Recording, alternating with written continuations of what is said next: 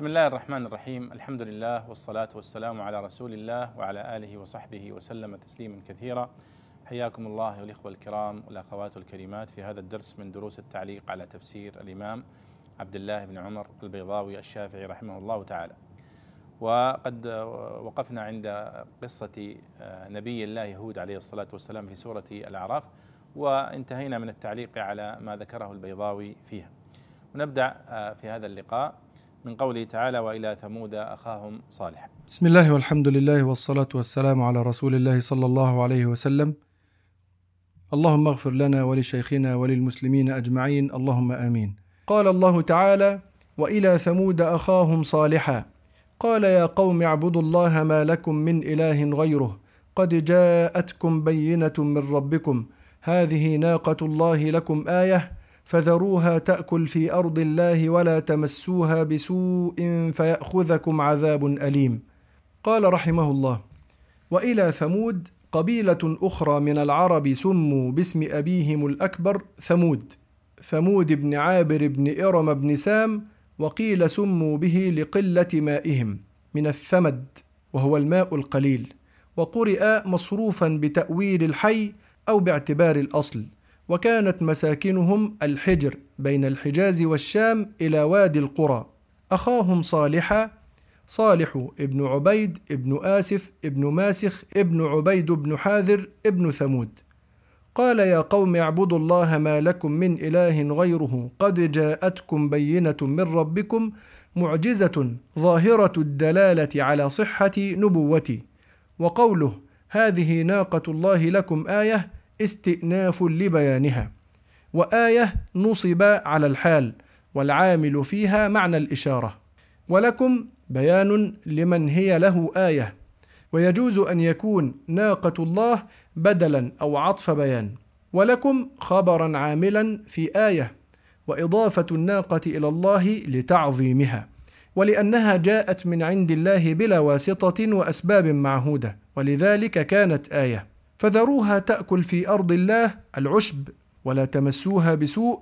نهي عن المس الذي هو مقدمة الإصابة بالسوء الجامع لأنواع الأذى مبالغة في الأمر وإزاحة للعذر. فيأخذكم عذاب أليم جواب للنهي. نعم يقول البيضاوي وإلى ثمود قبيلة أخرى من العرب. سموا باسم أبيهم الأكبر ثمود ابن عابر ابن إرم ابن سام ابن نوح. فإذا تلاحظون أنهم كلهم يرجعون إلى نوح عليه الصلاة والسلام. وقيل سموا به لقلة مائهم من الثمد وهو الماء القليل. فإذا القول الأول في ثمود أنه نسبة إلى جدهم أو أبيهم الأكبر ثمود بن عابر. وقيل أنهم سموا ثمود ليس لنسبة إلى اسم جدهم وإنما إلى قلة مائهم لأن الثمد في اللغة هو الماء القليل. وهذا فيه إشارة إلى أمور. أولا أنهم قبيلة عربية طبعا. ونبيهم صالح عليه الصلاة والسلام عربي. وكذلك هود نبي عربي. ويعني عدد من الباحثين يرون أن نوح عليه الصلاة والسلام كذلك وقومه كانوا من العرب. بدليل أن يعني الأصنام التي كانوا يعبدونها كلها عربية. يعوق ويغوث ونسر كلها يعني عبارات عربية. فهذا يعني يشير البيضاوي بقوله سموا به لقلة مائهم أنهم قبيلة يعني عربية عريقة. وقرئ مصروفا بتأويل الحي يعني وإلى ثمود أخاهم صالحا. يعني الصرف المقصود به التنوين هنا. باعتبار الحي يعني حي أو باعتبار الأصل وهو مكان مساكنهم. ومكان المساكنهم قال وكانت مساكنهم الحجرة بين الحجاز والشام إلى وادي القرى. يعني المنطقة اللي بين المدينة الآن وبين تبوك وبين الشام كانت هي المناطق التي يسكن فيها قوم صالح عليه الصلاة والسلام وهم ثمود. وهي التي تسمى اليوم منطقة العلا ووادي القرى الممتد يعني بين المدينة وبين تبوك والشام. قال وإلى ثمود أخاهم صالحا. نفس ما ذكره الله قال وإلى عاد أخاهم هودا قال وإلى ثمود أخاهم صالحا. بإشارة إلى أنه منهم. فهو صالح ابن عبيد ابن آسف ابن ماسخ ابن عبيد ابن حاذر ابن ثمود. هذا نسب صالح عليه الصلاة والسلام في كتب الأنساب. طبعا قد يقول قائل هل هذه الأنساب دقيقة أو فيها؟ نعم يعني هي فيها دقة وفيها مقاربة. وإلا يعني بعض الأنساب آه، يعني يصعب الجزم بها. وخاصة آه، يعني الاستمرار بها إلى نوح عليه الصلاة والسلام. فهذا قد يكون فيه يعني نوع من يعني يصعب الجزم بها. لكن هذا هو الذي يعتمد عليه علماء الأنساب والمفسرون. فنحن نتلقى هذا عنهم آه، ونسلم به على منهجهم. قال يا قوم اعبدوا الله ما لكم من إله غيره قد جاءتكم بينة من ربكم. البينة هي المعجزة الظاهرة الدلالة على صحة نبوتي. وقوله هذه ناقة الله لكم آية استئناف لبيانها. والاستئناف قلنا أن الجملة الاستئنافية هي الجملة الجديدة التي المنقطعة عن الجملة السابقة من حيث الصنعة الإعرابية. غير مرتبطة إعرابيا بالجملة السابقة. هذا معنى جملة استئنافية. والمقصود البيان. يعني يقول هذه قد جاءتكم بينة من ربكم. ما هي هذه البينة؟ قال هذه ناقة الله لكم آية. وسيأتي آه، كيف جاءت هذه الناقة؟ والآية هنا يعني قال منصوبة على الحال. لكم يعني آية لكم بيان لمن هي له آية. آية لمن؟ قال لكم أنتم. ويجوز أن أن يكون ناقة الله بدل أو عطف بياني. يعني في الإعراب. يعني أعربها بعضهم بدل. هذه ناقة الله بدل أو عطف بيان على ما سبق قبله. طيب. وإضافة الناقة إلى الله لتعظيمها. لتعظيمها. ناقة الله. فالإضافة هنا تعظيم لهذه الناقة. مثل بيت الله كتاب الله ناقة الله عبد الله.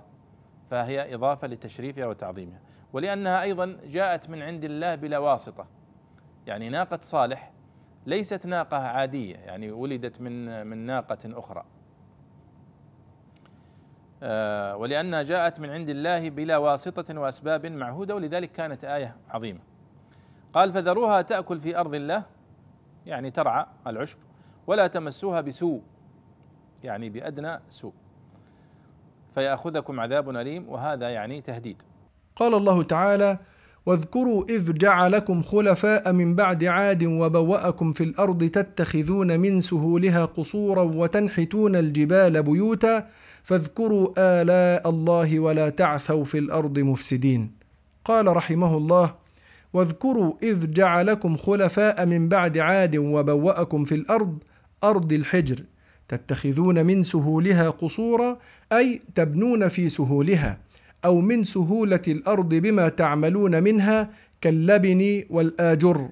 وتنحتون الجبال بيوتا وقرئ وتنحتون بالفتح وتنحاتون بالإشباع وانتصاب بيوتا على الحال المقدرة أو المفعول على أن التقدير بيوتا من الجبال أو تنحتون بمعنى تتخذون. فاذكروا آلاء الله ولا تعثوا في الأرض مفسدين. قال الله تعالى قال الملأ الذين استكبروا من قومه للذين استضعفوا لمن آمن منهم أتعلمون أن صالحا مرسل من ربه؟ قالوا إنا بما أرسل به مؤمنون. قال رحمه الله قال الملأ الذين استكبروا أي عن الإيمان من قومه الذين استضعفوا أي للذين استضعفوهم واستذلوهم. لمن آمن منهم بدل من الذين استضعفوا. بدل الكل إن كان الضمير لقومه وبدل البعض إن كان للذين. أتعلمون أن صالحا مرسل من ربه؟ قالوه على الاستهزاء. قالوا إنا بما أرسل به مؤمنون عدلوا به عن الجواب السوي الذي هو نعم تنبيها على أن إرساله أظهر من أن يشك فيه عاقل أو يخفى على ذي رأي. وإنما الكلام في من آمن به ومن كفر. فلذلك قال قال الذين استكبروا أنا بالذي آمنتم به كافرون. قال الذين استكبروا أنا بالذي آمنتم به كافرون على المقابلة ووضعوا آمنتم به موضع أرسل به ردا لما جعلوه معلوما مسلما. قال الله تعالى فعقروا الناقة وعتوا عن أمر ربهم وقالوا يا صالح ائتنا بما تعدنا إن كنت من المرسلين. فعقروا الناقة وعتوا عن أمر ربهم فنحروها أسند إلى جميعهم فعل بعضهم للملابسة أو لأنه كان برضاهم واستكبروا عن امتثاله وهو ما بلغهم صالح عليه الصلاة والسلام بقوله فذروها. وقالوا يا صالح ائتنا بما تعدنا إن كنت من المرسلين فأخذتهم الرجفة الزلزلة. قال الله تعالى فأخذتهم الرجفة فأصبحوا في دارهم جاثمين. فأصبحوا في دارهم جاثمين خامدين ميتين. روي أنهم بعد عاد عمروا بلادهم وخلفوهم وكثروا وعمروا أعمارا طوالا لا تفي بها الأبنية. فنحتوا البيوت من الجبال وكانوا في خصب وسعة فعتوا وأفسدوا في الأرض وعبدوا الأصنام.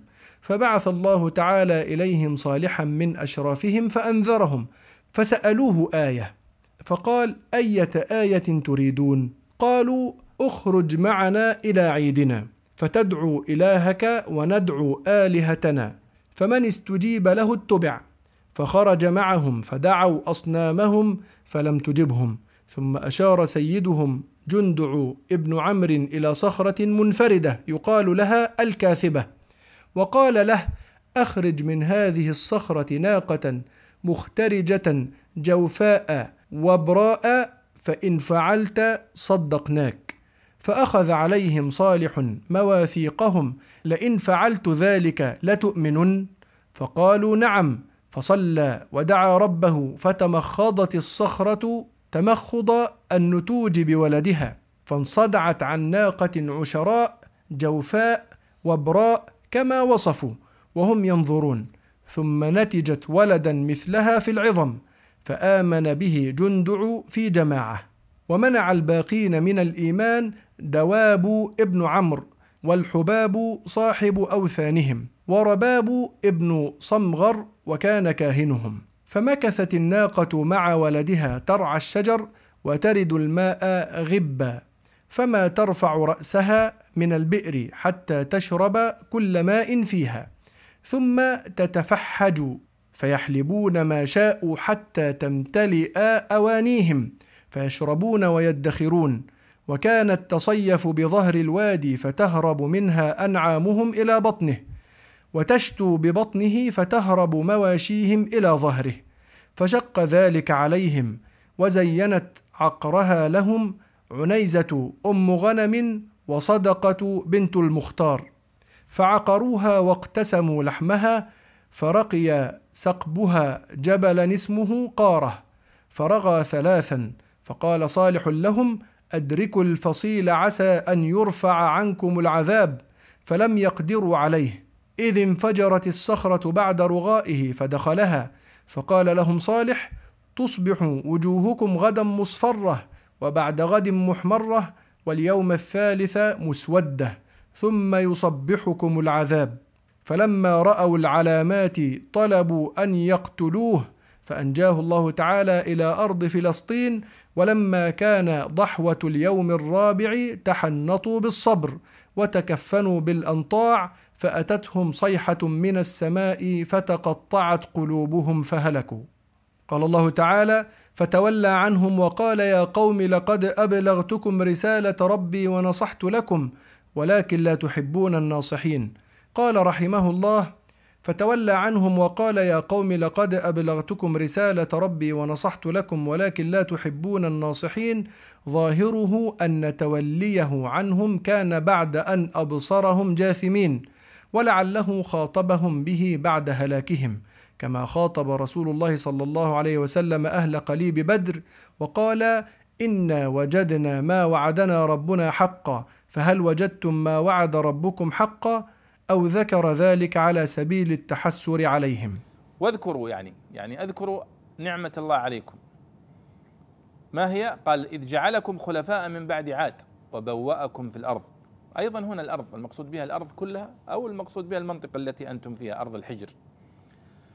تتخذون من سهولها قصورا أي تبنون في سهولها أو من سهولة الأرض بما تعملون منها كاللبن والحجر. ويعني قد ذكر يعني عن قوم آه، صالح عليه الصلاة والسلام إنهم كانوا يتفننون في بناء المساكن والبيوت وينحتونها في الجبال فبلغوا يعني مبلغ كبير في في هذا الجانب والحضاري.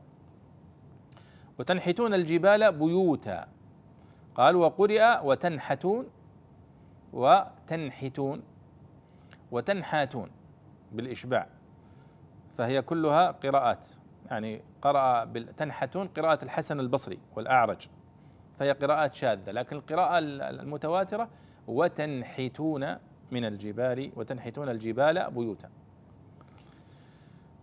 وبيوتا هنا منصوبة على أنها حال تنحتون الجبال بيوتا.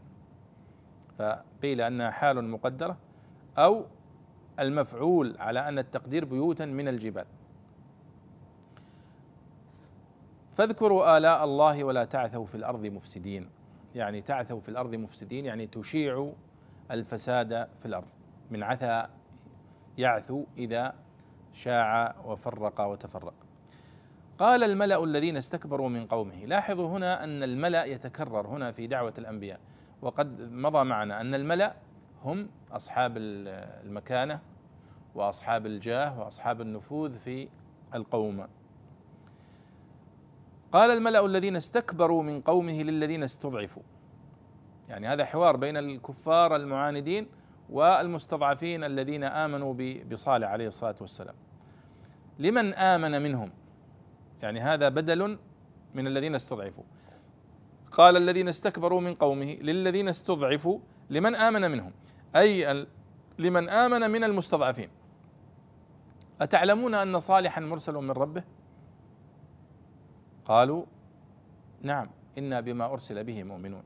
يعني قال المعاندون المكذبون للذين آمنوا هل أنتم على يقين بأن صالح مرسل من الله؟ يعني يستغربون كيف آمن هؤلاء المستضعفون.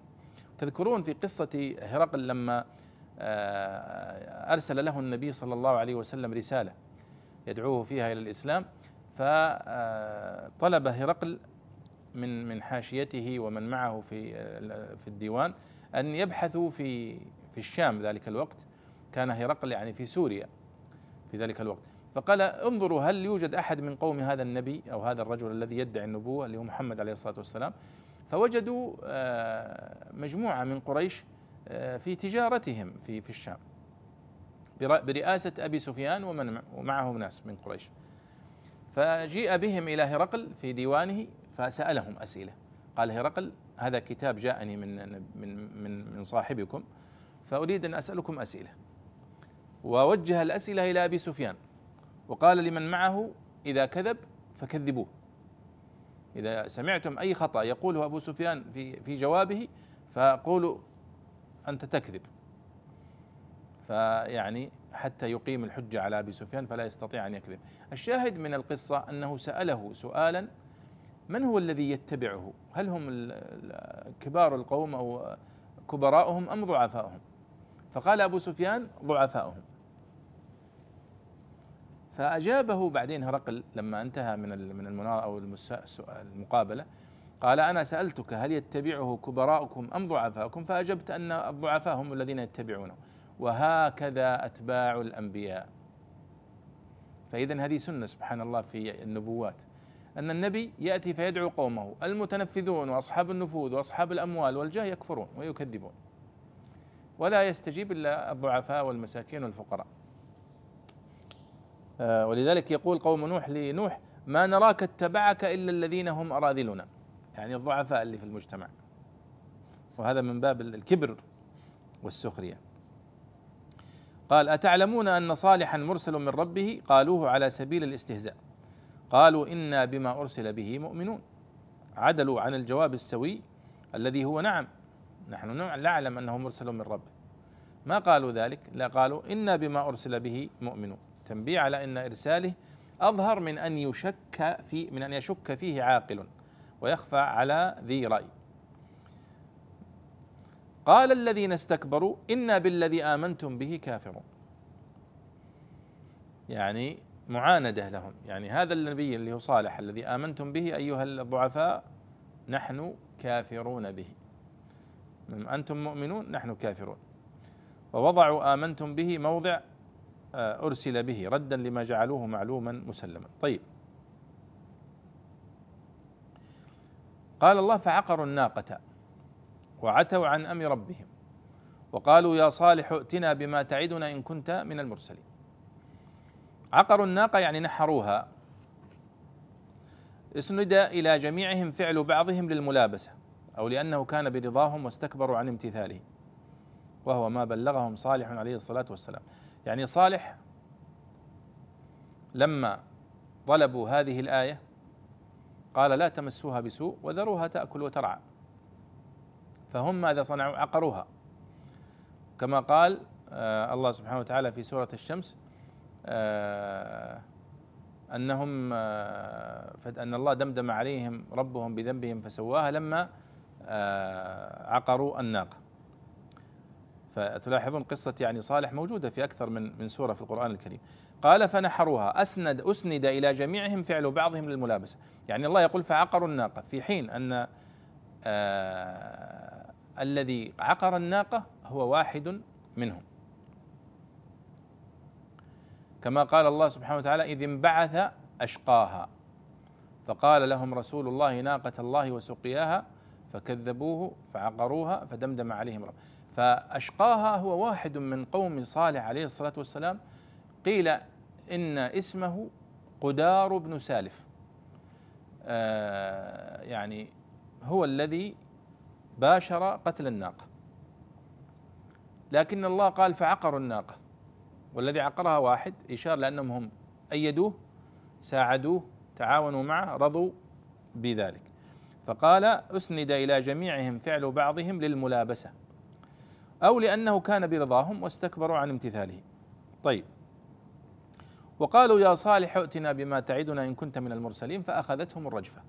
يعني عقروا الناقة وبغوا وكذبوا نبيهم. ولم يستمعوا إلى نهيه عن قتل هذه الناقه فأصابتهم الرجفة الزلزلة. فأخذتهم الرجفة فأصبحوا في دارهم جاثمين أي خامدين ميتين. ثم ذكر البيضاوي هذه القصة آه، وقد روي أنهم بعد عاد عمروا بلادهم وخلفوهم وكثروا وعمروا اعمارا طوالا لا تفي بها الأبنية. إلى آخر القصة التي آه، سمعتموها وقرأها أحمد هنا ويعني ذكر فيها تفصيلات. أن آه، صالح عليه الصلاة والسلام عندما آه، طلبوا منه آية ولم يستجيبوا له فهم طلبوا يعني طلبوا آية محددة.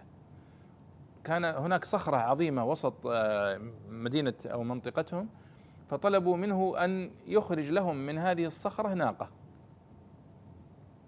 يعني كأنه طلب تعجيزي يعني. فدعا الله سبحانه وتعالى فأخرج ناقة من هذه الصخرة. وقيل إن هذه الصخرة كما في يعني في هذه القصة التي ذكرت أنها انصدعت هذه الصخرة فخرجت منها ناقة كما تلد الناقة الناقة. خرجت منها بأمر الله سبحانه وتعالى. والله إنما أمره إذا أراد شيئا أن يقول له كن فيكون. فخرجت ناقة عظيمة عشراء يعني كأكبر ما تكون لذلك قالوا فيها كما في القصة أن تكون ناقة مخترجة جوفاء وبراء. يعني أخرج لنا من هذه الصخرة. ناقة مخترجة جوفاء وبراء. فإذا فعلت صدقناك. قالوا مخترجة يعني تشبه الجمل. شكلها زي الجمال المعروفة. جوفاء يعني عظيمة الجوف. وبراء عظيمة الوبر والغطاء الذي عليها فخرجت بهذه الصفة. جوفاء ضخمة إذا شربت الماء لا يشرب معها أحد. يعني شرب تشرب الماء يوما كاملا فلا يجدون ماء اليوم الثاني هم يشربون. فأصبحوا يشربون يوم وتشرب هذه الناقة وحدها يوم. ولذلك كما قال الله لها شرب ولكم آه، شرب معلوم. يعني تشربون يوم وتشرب هي يوم. آه، فكما ذكر يعني كما ذكر في القصة أنها مكثت هذه الناقة مع وجاء لها ولد يعني ومعها ولد صغير وكانت يعني تدر لهم اللبن وكانوا يعني يعني في في في حياة رغيدة. لكن آه، لما أصبحت هذه الناقة هي رمز لنبوة صالح عليه الصلاة والسلام وهي آية لصدق نبوته وأيضا آه، تضايقوا من هذه الناقة هؤلاء الكفار أنها أصبحت تزاحمهم على شربهم وعلى مرعاهم وكانت ضخمة جدا. فإذا آه، يعني رأتها أنعامهم وحيواناتهم تفر منها من من ضخامتها. فتآمروا على قتلها وقام بقتلها قدار بن سالف ونحرها وذبحوها وقتلوها وتقسموا لحمها. فيقولون أن هذا الابن الذي كان معها الذي يعني ولدها فصيلها فر منهم ورجع إلى الصخرة التي خرجت منها أمه فدخل فيها. فحذرهم صالح كما في سورة هود أيضا أنه آه، تمتعوا في داركم ثلاثة أيام. كما قال الله فعقروها فقال تمتعوا في داركم ثلاثة أيام ذلك وعد غير مكذوب. ثم ذكر الله كيف أنجى آه، صالح عليه الصلاة والسلام ومن آمن معه. ثم وقال وأخذ الذين ظلموا الصيحة فأصبحوا في دارهم جاثمين. فهذه قصة آه، يعني صالح عليه الصلاة والسلام فتولى عنهم. كما ذكر الله سبحانه وتعالى قال فتولى عنهم وقال يا قوم لقد أبلغتكم رسالة ربي. رسالة ربي. تذكرون في قصة آه، هود أنه قال أبلغتكم رسالات ربي. فجمعها. فهنا يعني يمكن أن نقول أنه وحد هنا لإشارة إلى أن الرسالة رسالة واحدة آه، صلبها الدعوة إلى التوحيد ونبذ الشرك وما يتفرع عنه من أوامر ونواهي. قال فتولى عنهم وقال يا قوم لقد أبلغتكم رسالة ربي ونصحت لكم ولكن لا تحبون الناصحين. ظاهره أن توليه عنهم كان بعد أن أبصرهم جاثمين يعني بعد ما أهلكوا. ولعله خاطبهم به بعد هلاكهم. كما خاطب النبي صلى الله عليه وسلم أهل قليب بدر. والقليب يعني هي البئر المعروفة. وقال إنا وجدنا ما وعدنا ربنا حقا فهل وجدتم ما وعد ربكم حقا؟ هذا النبي صلى الله عليه وسلم قال هذا لقوم لاهل بدر بعدما يعني آه، أشرف عليهم وهم موتى. أو ذكر ذلك على سبيل التحسر عليهم. أو يكون ذلك آه، ممكن أن يكون صالح عليه الصلاة والسلام آه، قد قال ذلك لهم قبل أن يغادرهم ويتركهم قبل أن يهلكوا. لقد أبلغتكم رسالة ربي ونصحت لكم ولكن لا تحبون الناصحين. فتحتمل ما ذكره البيضاوي أنه قاله بعد أن هلكوا ويكون ذلك كما فعل النبي مع مع أهل بدر عندما خاطبهم وهم جيف. لا تسمع. ولذلك لما قال لهم النبي صلى الله عليه وسلم هل وجدتم ما وعد ربكم حقا؟ وهم لا يجيبون. فقال أحد الصحابة يا رسول الله آه، تناديهم وقد أنتنوا يعني يعني ماتوا خلاص. قال لا لا لهم أسمع لي منك. يعني هم يسمعونني أكثر مما تسمعني أنت ولكنهم لا يجيبون. فهذا احتمال. واحتمال أنه قاله على سبيل التحسر عليهم كذلك حتى بعد موتهم وإن ليس ليس خطابا مباشرا لهم. وأيضا هناك احتمال ثالث أنه قال لهم ذلك قبل أن يفارقهم ويتركهم. بعد أن كفروا وأمهلهم قال تمتعوا في داركم ثلاثة أيام. والقصة التي يعني ذكرها البيضاوي تلاحظون أنه آه، قال لهم صالح أنها تصبح وجوهكم مصفرة. غدا يعني. وبعد غد محمرة واليوم الثالث مسودة ثم يصبحكم العذاب. وهو نفس معنى ما ذكره الله في سورة هود. قال تمتعوا في داركم ثلاثة أيام ذلك وعد غير مكذوب. فيعني هذا نهاية هذه الأمة المكذبة وهي قوم صالح عليه الصلاة والسلام الذين هم قوم ثمود. وقد جعل الله لهم من التمكين ومن القوة آه، ما لم يمكن من سبقهم. ولكنهم كفروا وعتوا عن أمر ربهم ولم يؤمن منهم إلا عدد قليل فأنجاهم الله سبحانه وتعالى وأهلك قوم آه، صالح بالصيحة. والصيحة هي نفخة أمر الله بها سبحانه وتعالى قيل أنه أمر بها جبريل فأهلكهم عن بكرة أبيهم بهذه الصيحة. تصدعت منها قلوبهم وماتوا موتة واحدة. ولم يسلم منهم إلا من آمن وخرج مع مع نبيهم صالح عليه الصلاة والسلام. ولذلك هو تولى عنهم وقال لقد أبلغتكم رسالة ربي ونصحت لكم ولكن لا تحبون الناصحين. وهذه السنة سنة إهلاك الله سبحانه وتعالى للمكذبين سنة ماضية. سنة ماضية. الله سبحانه وتعالى يعني يرسل الرسل لإقامة الحجة ولكن إذا لم يستجب هؤلاء فإنه سبحانه وتعالى يهلكهم. وما أجمل هذه القصص التي يقصها الله سبحانه وتعالى على نبينا صلى الله عليه وسلم في القرآن الكريم عبرة له عليه الصلاة والسلام ولأمة محمد صلى الله عليه وسلم حتى تقوم الساعة. ولعلنا نكتفي بهذا في هذه في هذا الدرس ونكمل إن شاء الله في من قصة لوط عليه الصلاة والسلام في الدرس القادم. وصلى الله وسلم على سيدنا ونبينا محمد وعلى آله وصحبه أجمعين.